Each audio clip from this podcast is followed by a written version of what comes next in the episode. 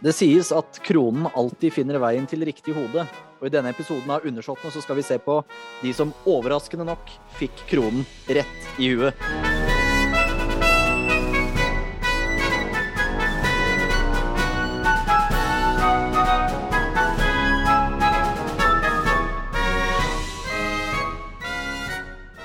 Velkommen til enda en episode av Undersåttene. Dette er jo da en eh, sånn spesialepisode. Eh, ikke av de vanlige ukentlige episodene, for eh, det fikk ikke Jørgen og jeg til denne uken her, for han er opptatt med å pusse opp kjøkken i den nye leiligheten sin. Men jeg har jo da vært så heldig å få med meg ingen ringere enn deg, Jostein Kristiansen, min medstudent på Universitetet i Oslo. Det stemmer det, hallo.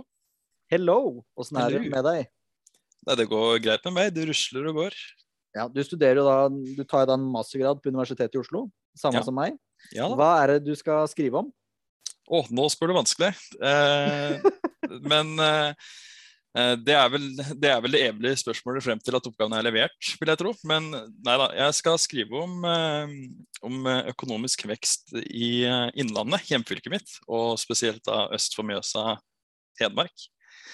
Eh, så det blir en oppgave om økonomi på 1800-tallet og sånn, og litt om mekanisering og tog og litt sånn moroheter, da, som eh, er ganske langt unna konger, egentlig, men eh, eh, fortsatt ganske viktig. Det nærmeste jeg kommer konger der, er Stortinget.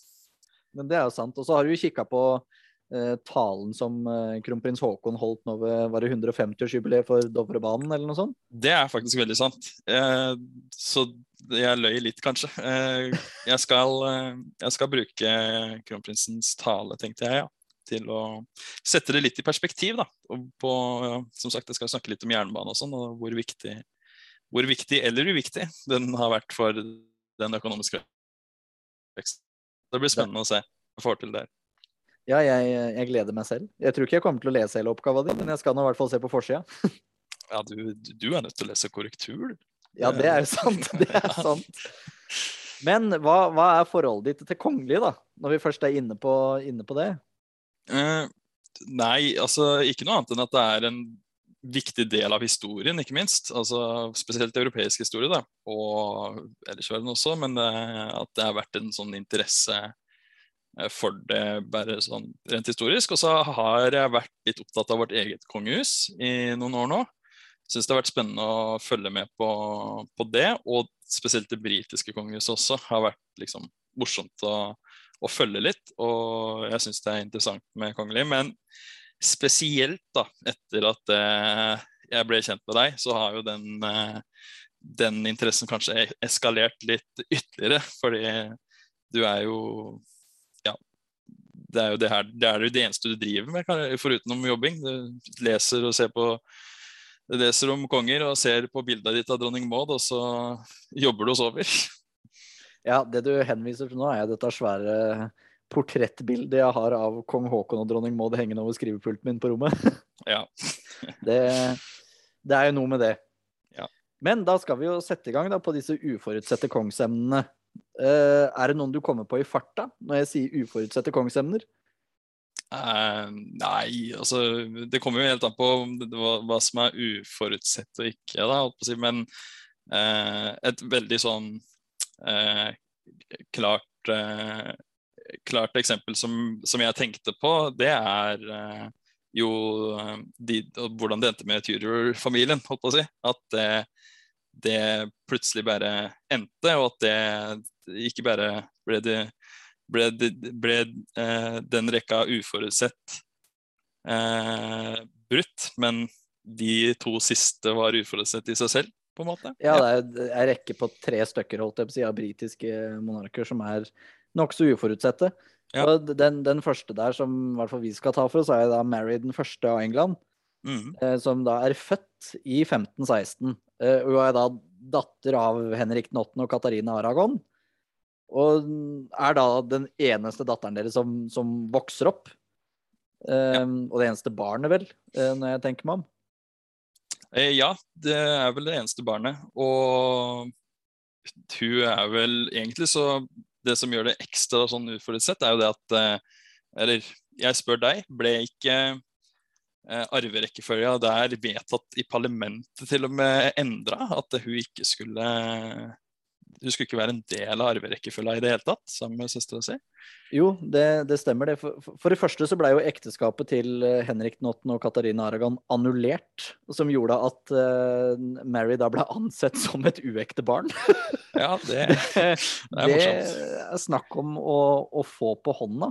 Um, og så får jo Henrik 8. en sønn seinere med ei annen kone, uh, med Jane Seymour, um, i 1537.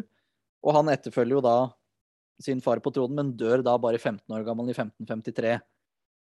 Um, og så er det jo da da som Mary blir eh, dronning, da i 1553. Og det første hun gjør da, er jo å validere foreldrenes ekteskap igjen. ja, det, det, der er nesten litt kaos. Det er litt morsomt at de bare kan gjøre det. At først så er du ekte, og så er du uekte. Og så er hun uenig med far sin i alt han gjør, og bare nei, nå er jeg ekte igjen. Ja, fra ektefødte lausong og back again. Det er ja. noe med det. Og gifter seg da med Philip den andre av Spania. Ehm, og er vel ikke Hun har jo ikke det beste ryktet sånn historisk sett. Nei, ikke i det hele tatt, holdt på å si. Hun, hun var vel ganske hard. Hun var jo ikke, som sagt, jeg nevnte jo sånn uenig med faren sin. Og um, nå snakker vi jo tidlig moderne tid, og det er reformasjon og splid innad i kirka og litt sånn forskjellig. Men uh, Mary holdt vel ganske på moren sin, altså uh, Katarinas? Ja. Sin, uh, sin tro. Altså sin retning innen kristendommen. Mm. Katolisismen. Det stemmer. Og det er jo der mye av uroen setter inn. Og det det er jo ikke uten grunn at hun har blitt kalt for Bloody Mary. Uh, nettopp av det at det til tider var forfølgelse av protestanter. da. I hvert fall av de ja. som støtta Mary. Ja, hun tok jo hun, hun, var jo på en måte en slags bremseskive en liten periode for, for reformasjonen, rett og slett, i, i England. Så det er jo det er litt spennende det, at jeg nesten klarte å reversere det. Det er godt gjort. Si ja, det er det. Det er veldig godt gjort. Men hun døde da barnløs i 1558, eh, bare 42 år gammel. Og da kommer jo til ei som sikkert er litt mer kjent for, for de fleste, og det er lillesøstera hennes, Elisabeth den første. Um, og hun òg ble også ansett som uekte etter at ekteskapet ble annullert mellom Henrik den 8. og Anne Boilin. ja, det er, det er, så Ja. Hun er da 17 år yngre enn uh, Mary. Så det er jo en liten aldersforskjell her. Eh, og Anne Boilin er jo da en av de konene, altså da moren til dronning Elisabeth, som uh, mister hodet. Mm. Og det var vel bare pga. ei vorte på nesa eller noe sånt, at du kunne bli ansett som ei heks. Så da var det bare rett til rette, retterstedet. Ja, det er ganske ekstremt hvordan de hvordan rettspraksisen var back then, eh, holdt på å si. Ja, i hvert fall hvis du var konge. Da kunne du ja. egentlig gjøre som du ville. Men her eh, kommer jo til det du nevnte, at de ble, både Mary og Elisabeth ble gjeninnsatt i arverekkefølgen av parlamentet i 1544. Mm. Fordi de var redd for at Henrik sin sønn skulle dø ung, da. Og at det ikke skulle være noen flere tudorer til å ta over tronen. De var, eh, de var flinke til å se framover i tid, de, da, med andre ord. De fikk, ja. jo, de fikk jo rett. Så absolutt. For eh, dronning Elisabeth eh, blir jo da kalt for jomfrudronningen. Mm. Eh, ifølge um, den ikke så historisk korrekte filmen om Elisabeth, så var hun alt annet enn ei jomfru. men hun fikk i hvert fall ikke barn, og gifta seg aldri. For hun ville jo ikke dele makten sin med en mann. Nei, hun ble jo etter hvert ganske Hun innførte jo noen gode reformasjoner og litt sånn forskjellig som manifesterte makta hennes voldsomt. Og um, hun, uh, hun, var jo igjen uenig med søstera si, og kjørte ganske hardt på, på, reformasjonen. Og det er vel er det Act of Supremacy eller noe sånt den heter. Eh, der hun på mange måter eh, gjorde, gjorde England protestantisk, da. Det stemmer, det. Og, mm. hun, og, det er jo faktisk en av de få kongelige som de ikke vet hvilken religion hun egentlig støttet. For hun ønsket egentlig bare å sørge for at det var ro i England. Eh, men måtte jo da selvfølgelig støtte opp om reformasjonen etter ha hatt ei dronning som Mary på tronen. Ja. Det, det, er jo kanskje noen politiske vurderinger eh, bak. Og, mulig. Mulig. Ja. Men hun blir jo da etterfulgt av uh, James den sjette av Skottland, som da blir uh, James den første av England. Som da er sønn av Maria Stuart, søskenbarnet til dronning Elisabeth. Han nå er jo en vi kunne, kunne prate om i, i den uh, episoden her, men vi skal da hoppe litt lenger østover. Vi skal til Russland og til det russiske Ikke da imperiet, men det russiske tsardømmet. Og til Mikhail den første som da er født eh, ble, ble, født i 1596. Og er da sønn av uh, Fjodor Nikitic Romanov og uh, Zhenya Shestova. Og de, for dere som ikke henger med på de navnene her, så er jo det da Filaret og Marfa. som er det de er kjent som i ettertiden, da, for de ble jo begge to truet til å gå i kloster. som for sikkerhets skyld. Og dette er da en av forfedrene til Nikolai 2., den siste, siste keiseren av, av Russland. Han blir jo da keiser etter, eller nei, tsar, mener jeg, etter den russiske forvirringens tid. Hvor da aristokratiet leiter etter en hersker som kunne stabilisere staten. Og de finner jo da Mikael, som var grandnevø av Ivan den grusommes første kone. Anastasia Romanovna. Så han, han var ikke grandnevø av en tsar, han var bare grandnevø av kona hans. Ja, det er Men du vet, aristokratiet de bryr seg ikke, de, så lenge de kanskje får litt eh, stabilitet og litt tilknytning. Det er tilknytning. Men, uh, men nå er vi jo inne på altså, Romanov-familien og det dynastiet. For det første så er vel du eh, veldig eh, eh, glad for at vi prater om det, på sånn jeg kjenner deg. Men for det andre så er det jo på mange måter eh, kanskje med Mikael holdt på å si, at moderniseringen av Russland på en måte begynner litt. Det er jo familien her etter hvert som virkelig får løfta frem Russland til den stormakten, hvis man kan kalle det det etter hvert. Det kommer til å bli, da det begynner jo så smått. Mm. Si. De, de, legger jo grunnlaget som Hva er det du skal si? Ja, det mjørklare stupebrettet som Peter den store tar sats fra. Ja, nettopp. Eh, og den på en måte utvider riket, eh, både Mikhail og Aleksej, er eh, ganske brutale eh, mot både opprørere og fiender. Mm. Og jeg, jeg, tror vel riket under Mikhail var sånn mangedobla. I, ja, for han måtte jo konsolidere makta si òg, eh, for dette var jo et rike i oppløsning. Ja, det er for akkurat det jeg skulle ut å spørre om. Fordi at i denne forvirringens tid, eller altså tida rett før, da, så, så led, vel, eh, led vel Russland ganske store tap. Både til svenskene og polakkene, om jeg ikke husker helt feil.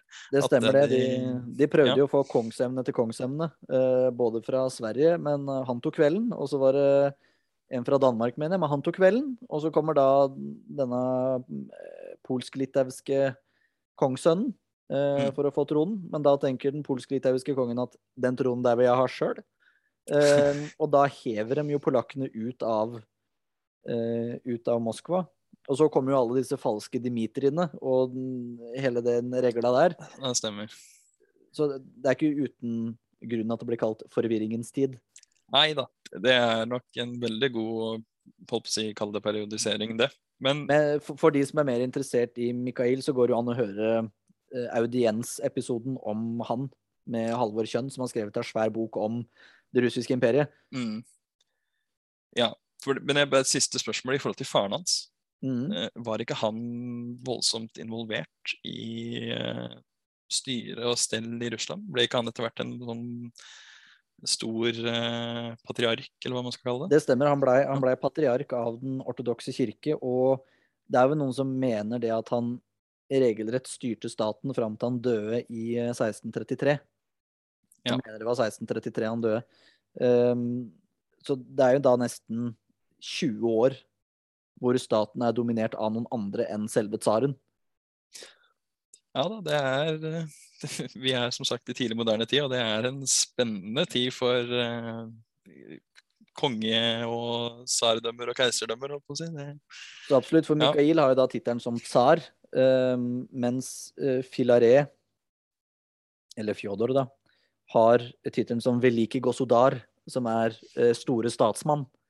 Eh, som på en måte egentlig er Det er nesten over tsaren, og i hvert fall med tanke på at han er faren hans i tillegg. Det handler jo om mm, patriarkalske her, mm, som, som russ, russerne har vært ganske opptatt av, i hvert fall den gangen under keiserriket og, og tsardømmet.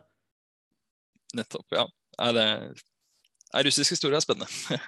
Det er veldig spennende, og det Ja. er jo um, et shitshow, eh, hvis man skal kunne bruke et moderne uttrykk. Ja, jeg syns det var en god terminologi. ja. Ja. Så vi jumper jo litt sånn fram og tilbake her, for det er jo ikke noe det, Dette her er bare kronologisk etter når um, de ble eh, konger, eh, eller født slash ble, ble monarker, da, denne rekka vi skal gjennom. Så nå skal vi da til Spania, eh, og Philip 5., eh, som da blir eh, konge av Spania i 1700.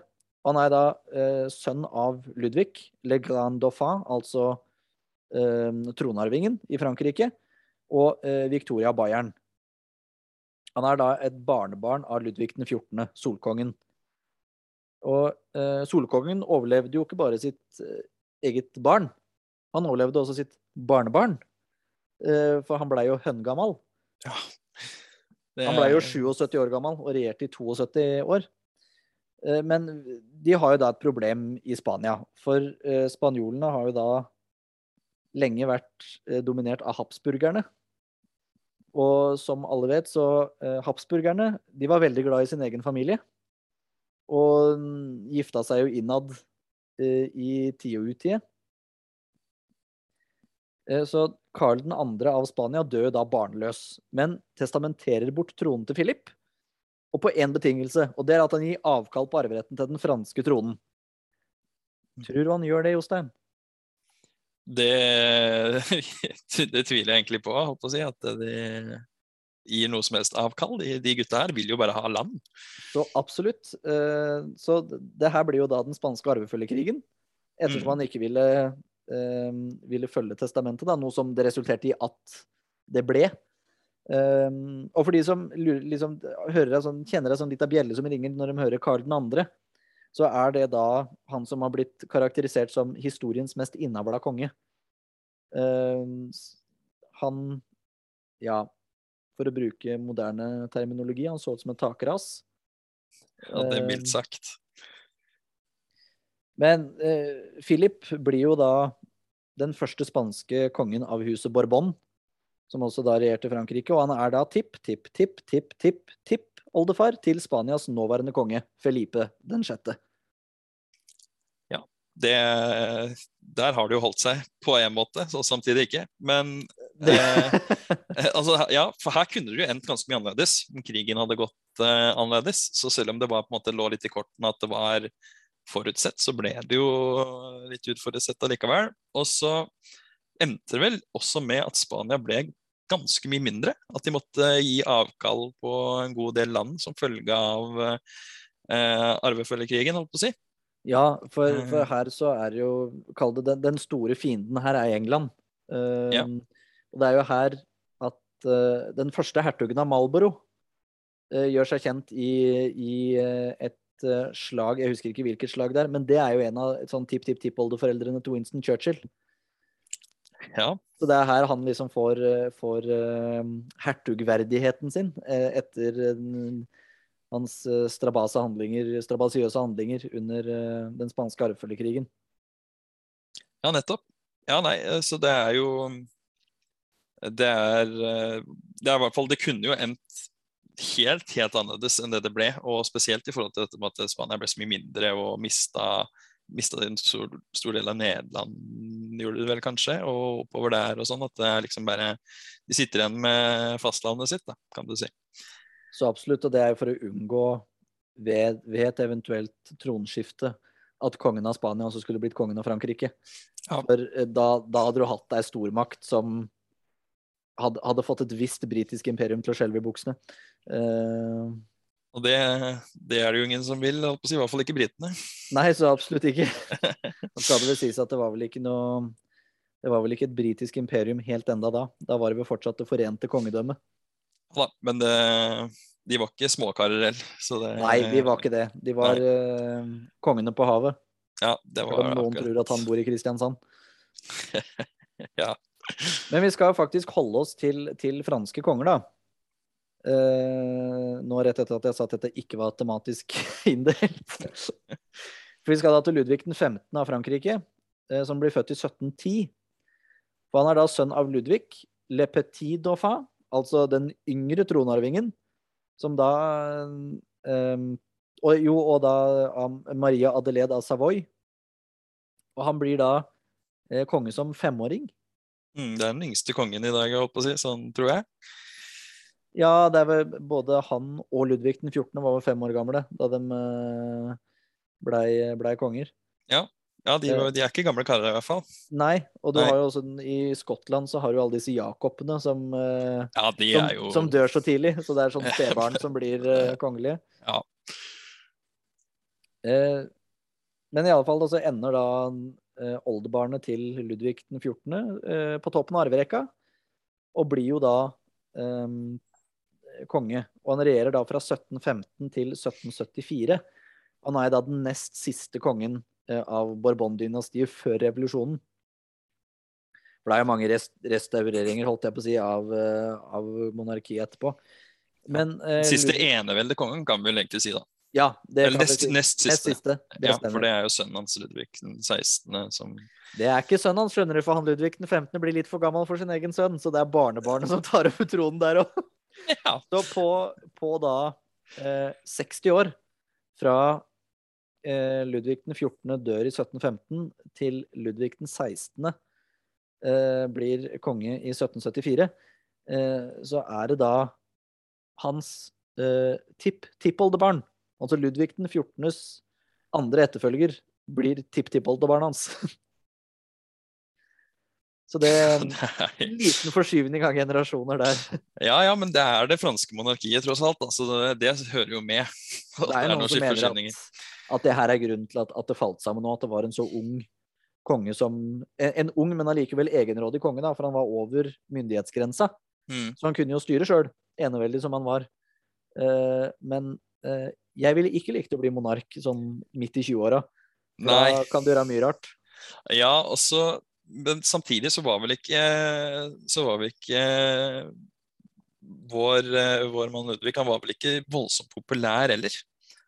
Eh, altså den 15. Han eh, Han var jo ikke noen sånn fremtredende politiker, i hvert fall. Eh, Nei, han, han levde vel på gammel storhet, holdt jeg på å si, som Eh, ja. han arva fra, arva fra oldefar. Mm.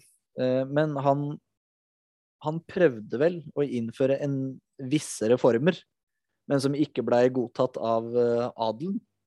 Ja, og så hadde han vel noen sånne Kall det dukkemestere bak seg som prøvde å få, få gjennom et par sånne eh, reformer og sånn også, som heller ikke falt i god jord. Det, Så absolutt. Og så har han, har han jo denne fæle elskerinna si, Madame de Pompadour, som har Ja. blitt et sånn et, et, et kjent førkje, hvis man skal bruke moderne uttrykk. Ja, rett og slett bare undergraver hele kongedømmet. Ja. Ja. Hele monarkiet og den eneveldige tankegangen. ja. Det, det er lurt i, der makten er eh, konsolidert rundt den eneveldige konge.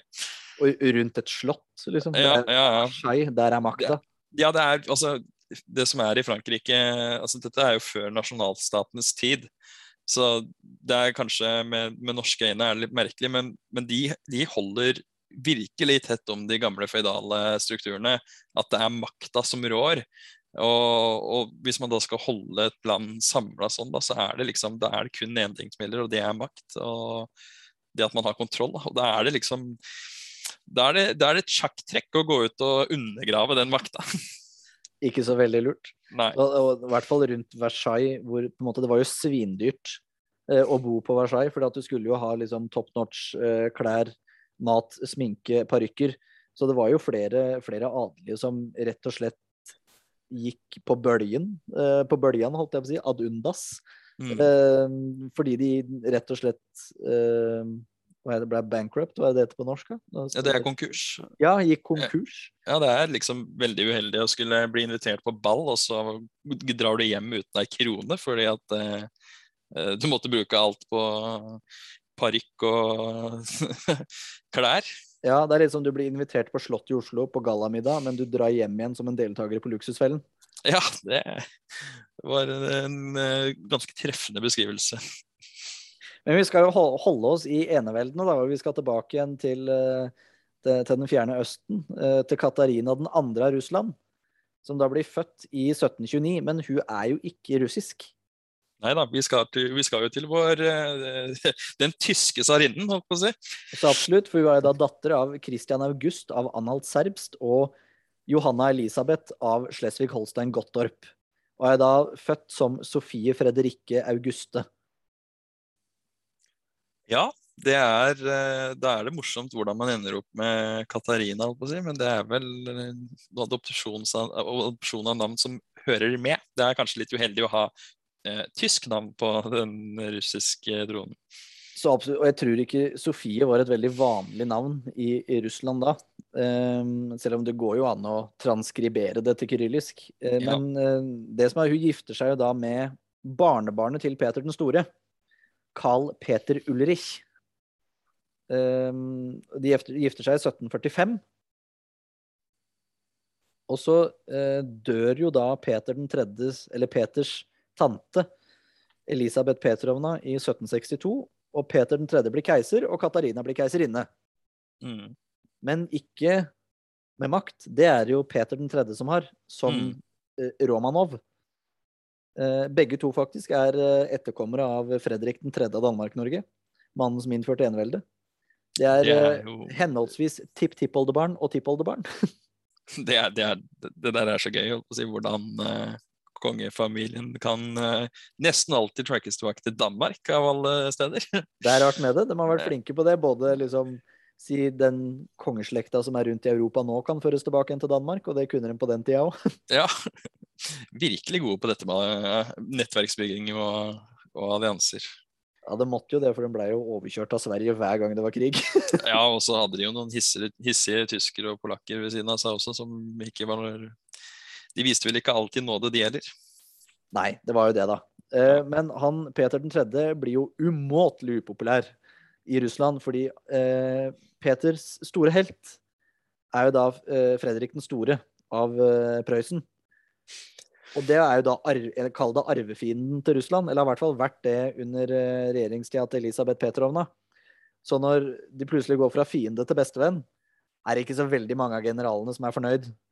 Og det inkorporeres, da, inkorporeres også da tyske uniformer eh, i flere av garderegimentene, Preobrasjinskij-regimentet, og de er ikke veldig glad for det. Det er lurt, det, altså. Det er- Besudler Peter den stores arv. Eh, Ja. Det er det ingen som liker. Nei. Eh, Så Katarina den store, eh, eller Katarina, da, som jo da har tatt, eh, tatt som navn da vi flytta til Russland, begår da statskupp, støttet av flere adelige i 1762.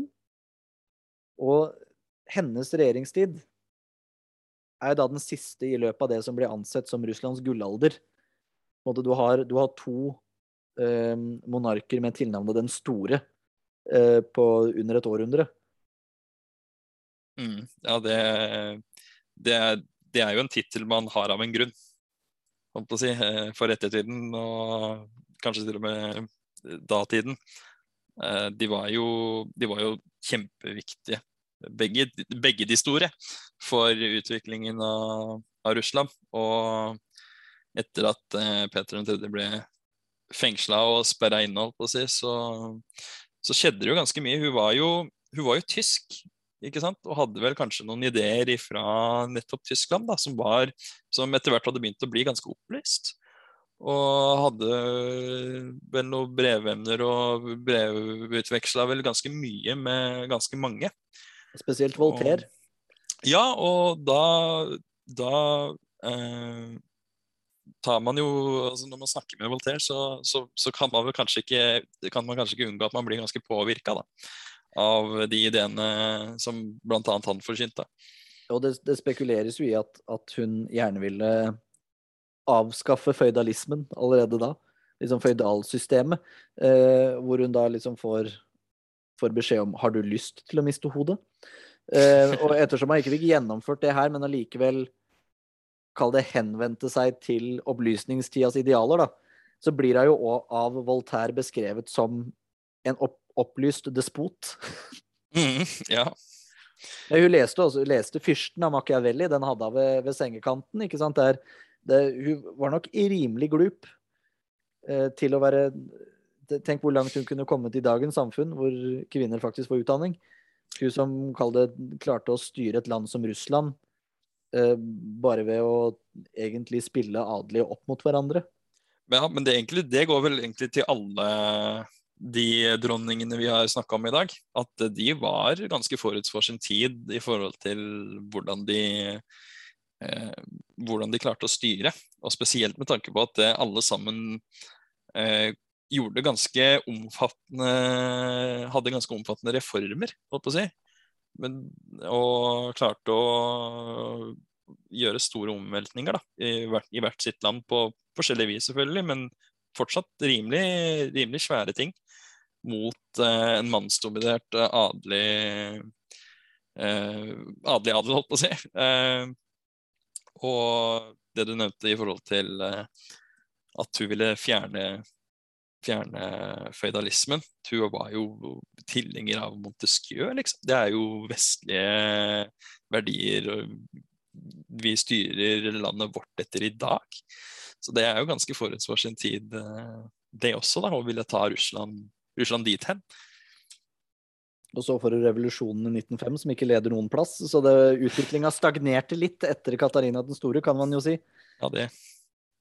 Og med det så har vi vært gjennom eh, alle de, eh, de monarkene som vi skulle gjennom i denne episoden her. Ehm, så tusen takk for at du ble med, Jostein. Det var det, en glede. Det er ikke noe problem, det. Det er morsomt å prate litt historie og konger og få, få nerda litt, som det heter på pent. Ja. Så eh, vi skal jo um, Det er som, eh, som, som Sørensen ville sagt. Ja, eller som Sørensen ville sagt, helt konge. Ja. det er da en av professorene våre på Universitetet i Oslo som har skrevet en bok som heter Helt konge. ja. Men jeg veit ikke om det blir med dem. Det er jo en episode til som skal spilles inn om uforutsette kongsemner, og da er jo en av de en mann som arvet tronen etter sin 17. menning. Ja, det er jo spenstig. Det eh, kan jo være litt kiling på neste episode av Uforutsette kongsemner i Undersåttene. Vi lyttes.